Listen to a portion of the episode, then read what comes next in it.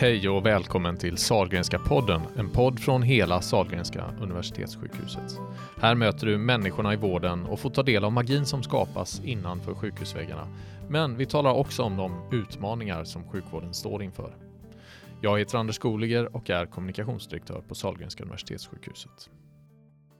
Idag träffar vi Lars Sandman, ordförande för Etiska rådet här på Sahlgrenska universitetssjukhuset.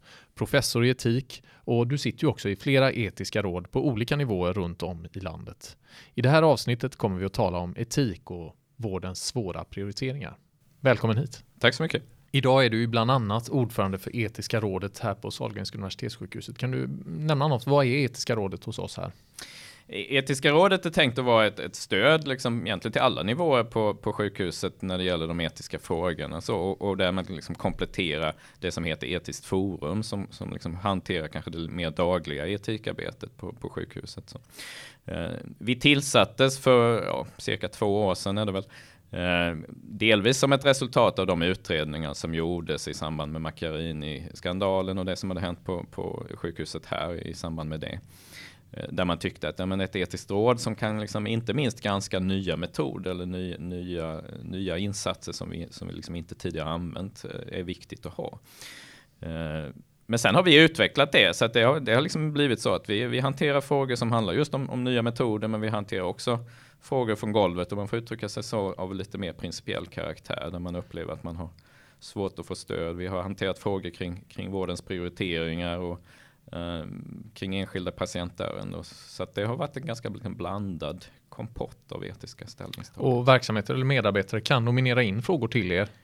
Exakt, och, och, och, och, liksom, och då lyfter vi frågan och så diskuterar vi, är det här någonting som, där vi tror att vi skulle kunna ge stöd och, och där vi skulle kunna komma med ett, ett uttalande. Och en jag tror en skillnad delvis mot andra etiska råd runt om i Sverige är att vi, vi har liksom en tydlig ambition med att komma med ett faktiskt råd. Så, eh, vår tanke är att vi ska ge ett stöd i den konkreta beslutssituationen och försöka liksom så gott som möjligt kunna ge en rekommendation eller, eller liksom hur, hur, vi ser på frågan. Så, eh, det är inte alla etiska råd som har den funktionen. Många har kanske en mer allmän ja, sprida kunskap om etik, eh, seminarieverksamhet etc. Utan, men vi har tänkt att vi ska försöka faktiskt ge ganska konkreta stöd.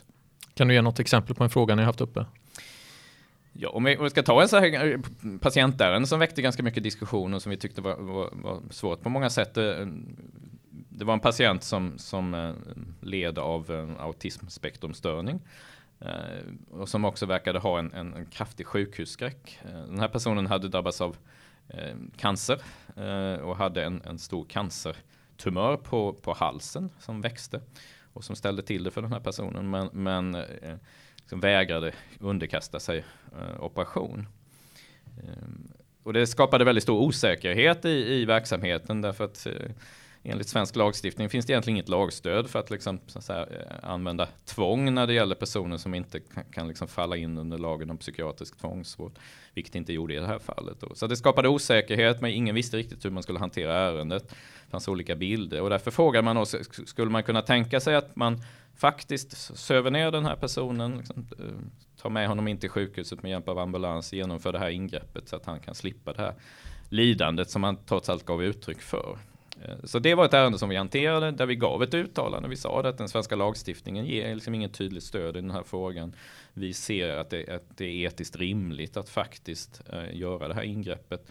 Eh, tyvärr hade det man dröjt för länge kan man säga innan man nominerade ärendet, vilket gjorde att, att det verkade som att det var för sent eh, för den här patienten. Så att genom, men, det, men det pekade också på en liksom mer principiell fråga som, som vi har svårt att hantera i svensk hälso och sjukvård, nämligen hur hanterar vi patienter som, som verkar på olika sätt sakna beslutskompetens i en situation men som inte kan falla in under tvångsvårdslagstiftningen. Så, så vi nominerade faktiskt det här ärendet till Statens medicinetiska råd som i sin tur har lyft ärendet med socialdepartementet. Så det, det, här är också ett, ett, tecken på hur, hur det vi gör lokalt här faktiskt kan få återverkningar på en nationell nivå där vi kan lyfta frågor som vi hittar eh, och där vi tycker att vi, vi kanske skulle behöva ett annat lagstöd helt enkelt. Så.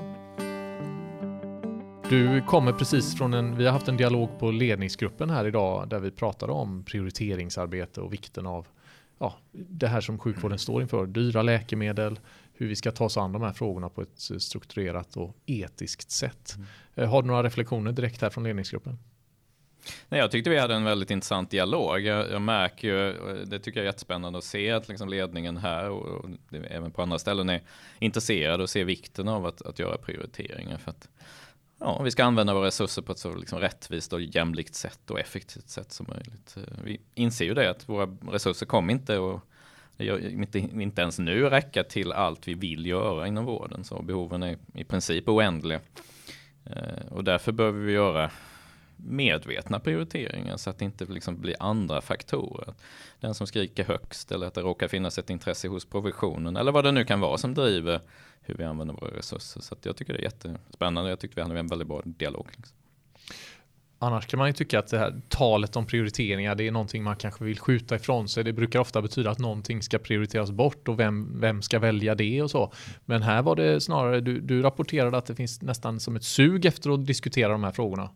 Jo, men jag tror att det, att det är så. Och det är väl för att man har verkligen insett, det har blivit väldigt tydligt, kanske bara de sista två åren, att resurserna är begränsade. Jag menar, många Tittar man på SKRs ekonomirapport så, så tror jag det var bara två regioner som gick med överskott, alla andra hade underskott och man insett att liksom resurserna inte räcker. Och det är ju inte bara ekonomiska resurser utan det är också personal, tillgång och kompetens och så vidare. Så jag, jag tror att man, det börjar bli tydligt liksom att vi måste nog fatta beslut och jag tror på alla nivåer, från den politiska nivån där man ser behovet men man, man naturligtvis inser de politiska riskerna när man fattar sådana beslut eh, till ledningsnivån men också ner på golvet därför att man som, som kanske vårdarbetare och för vårdpersonal måste försvara de begränsningar som man ändå tvingas göra liksom, för patienten. Och då tror jag att man vill ha stöd i det arbetet och göra det på ett medvetet sätt ett typiskt etiskt dilemma ifrån hälso och sjukvården som dyker upp, det kretsar just kring det här med eh, ett, en enskild patient som kanske kommer i, mm, förekommer i tidningen eller i tv, i media och, och som då får eller inte får en viss behandling och då ställs det frågor till så att säga Frågan ställs då på sin spets så att säga. Varför vill sjukvården inte eller är det politiker som inte har tillräckliga medel till detta eller avsätter tillräckliga medel? Eh, och det är väldigt svårt att se vad finns det i andra vågskålen? Hur ska man, hur ska man, hur, vad tycker du när du ser sådana här, tar del av sådana här fall i media? Vad, finns det något du saknar i diskussionen eller hur tycker du att de, hur tycker du att de här fallen brukar komma fram i media? Alltså me media vill väl ofta tyvärr ha liksom en tydlig dramaturgi här. Va? De liksom pekar ut liksom the good guys and the bad guys. Och de, de vill se att här, här är någon som har fattat ett beslut som kommer drabba den här patienten. Hur kan ni fatta ett sådant beslut? Det som behöver vara motbilden och, och som är naturligtvis en pedagogisk uppgift är vi behöver, vi behöver liksom förklara för medborgarna att vi har en situation, vi har begränsat med resurser, det vill säga lägger vi resurser på en sak så kommer vi inte kunna lägga resurser på något annat. Någon kommer drabbas av detta och, och, och då måste vi ha, ha liksom goda, dels goda grunder för, för vårt beslut och säga nej om vi nu har gjort det. Va? Eh, och också kunna kommunicera och förklara. Okej, okay, men, men, vi har fattat det på goda grunder. Vi gör den här typen av avvägningar därför att på, på en systemnivå skulle det få liksom, kanske till och med förödande konsekvenser om vi började använda den här typen av behandling i större skala. Så. Men det är klart att, att, att verkligen ta till sig det när man är i en desperat situation och där, därmed kanske har liksom använt media. Det, det är naturligtvis svårt att göra. Men jag tror att och det handlar väl kanske inte i första hand om att övertyga de föräldrarna till det barn där man har sagt nej till ett läkemedel. Det kanske att snarare sprida en bild hos medborgarna att, att ja, men så här ser situationen ut. Och det tror jag har varit en det har vi inte varit tillräckligt duktiga att göra så, utan istället blir det en reaktion på en väldigt specifik situation och så kan det låta som att vi försvarar någonting som folk har svårt att förstå. Eh, utan vi behöver ju en, det är en pedagogisk uppgift som kanske ligger framför oss att ha en tydlig kommunikation med medborgaren. Vilken typ av hälso och sjukvårdssystem vill vi ha? Vi har begränsat med resurser. Om vi nu måste fördela de här begränsade resurser, vem är det vi ska lägga det på? Eh, ska vi liksom lägga det på, kanske i, i vissa fall, visst ganska okej okay insatser men till en väldigt hög kostnad för, för några få patienter. Eller ska vi lägga det på människor som liksom lider långvarigt av kronisk sjukdom? Eller ja, var ska vi lägga det helt enkelt? Och den dialogen tror jag vi behöver lyfta i större utsträckning än vad vi har gjort. Så. Ska man hjälpa en person som har en enormt svår situation och du kan hjälpa en person eller ska du hjälpa hundra som kanske har lite mer lindrigt tillstånd men kan få eh, höjd livskvalitet under lång tid. Vad, vad, tycker du som etiker? Det är väl en kärnfråga här, det står mot varandra. En mot många. Ja, och det, och det där är väl, eh, om jag först får hänvisa till de etiska riktlinjerna från, från riksdagen så säger man att nej, men vi ska inte ha en nyttoprincip. Vi ska inte, vi ska inte tänka i termer att här kan vi gagna folk som är väldigt lindrigt sjuka lite grann. Men eftersom gruppen är så stor så gör vi totalt väldigt stor nytta och, och, och det, då kan vi liksom offra några som är svårt sjuka. Utan jag, jag tycker det är rimligt att det finns liksom en, en idé om att, att så att säga, lägga mer resurser på de som, som är väldigt svårt sjuka framför de som är lindrigt sjuka.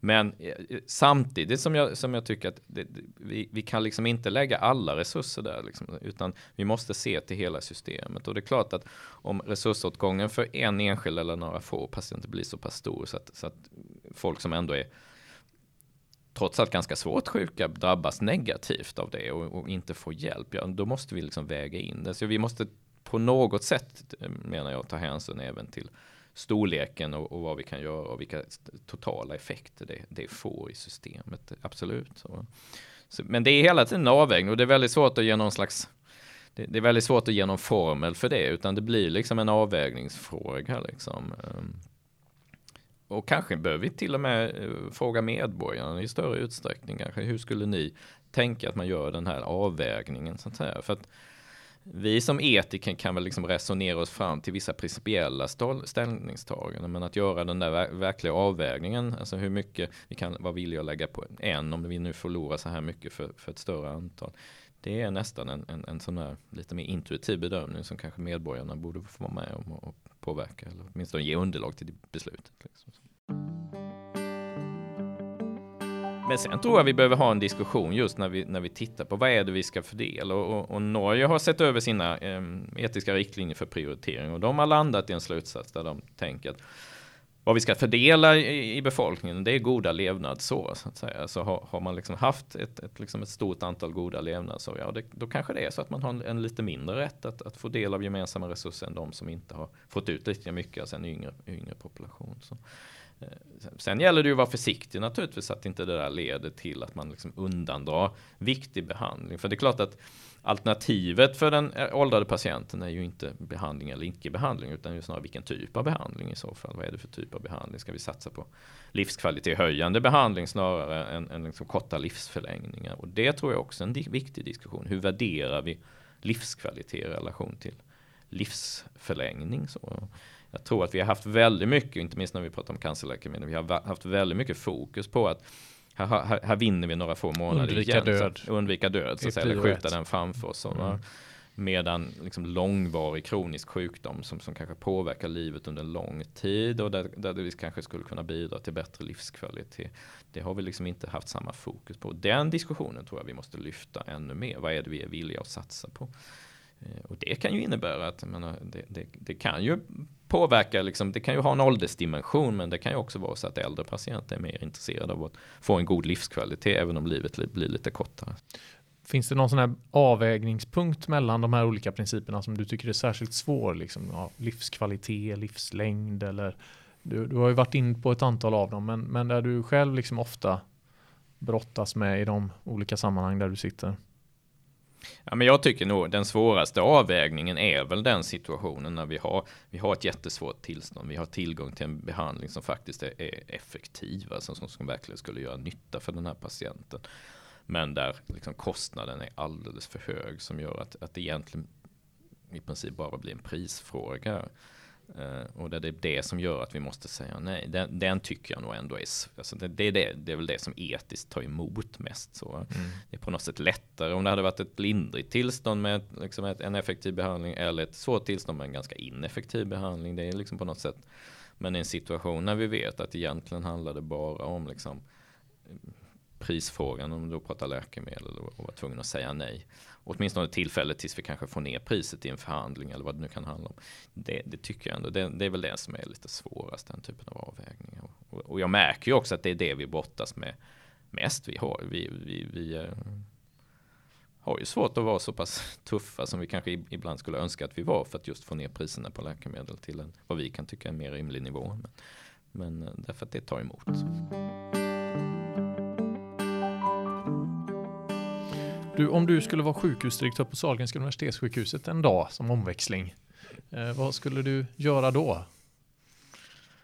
Oj, eh, det var en intressant fråga, svår fråga. Jag tror att alltså, om, om jag tar, inte i prioriteringsperspektiv, nu går det väl inte att göra på en dag naturligtvis, men, men mitt ideal i, i en verksamhet som, som på Sahlgrenska universitetssjukhuset det är ju att vi skulle ha så pass bra koll på allt vi gör ur ett prioriteringsperspektiv. Alltså vi skulle ha en ganska god idé om hur svåra tillstånd är det vi behandlar med de, alla de metoder vi har, hur effektiva vi är, är de, ungefär vad, vad, vad, vad har de för kostnad eller resursåtgång. Att vi hade den bilden så att vi kunde liksom se systemet som en helhet och se att, ja men vänta lite, varför lägger vi så mycket resurser där borta när vi borde lägga dem här om vi tittar på liksom eh, svårighetsgraden hos tillståndet och effekten. Så att, att, att på, om jag lyckades på en dag att införa något system för att vi skulle få den överblicken, det är naturligtvis helt idealt, men åtminstone närma oss det för att på ett liksom bättre sätt kunna eh, Eh, men det är klart att nu tänker jag ju som en etiker som är sjukhusdirektör, alltså som bara tänker på de etiska principerna. För det är klart att det finns mycket andra omvärldsfaktorer som påverkar vad vi kan göra. Och sen finns det andra aspekter, nämligen forskning och, innovation. Vi vill driva forskning och innovation som måste delvis konkurrera med hälso och sjukvårdsverksamheten. Så det är klart att det är mycket större fråga. Tack Lars Sandman för att du kom till Sahlgrenska podden. Jag som har intervjuat heter Anders Goliger och är kommunikationsdirektör på Sahlgrenska Universitetssjukhuset. Sahlgrenska podden kommer varje månad och du hittar den där du hittar poddar. Jag är förstås nyfiken på vad du som har lyssnat tycker om podden, så hör av dig till mig och berätta eller tipsa om gäster eller ämnen som vi borde ta upp. Tack för att du lyssnat. Vi hörs snart igen.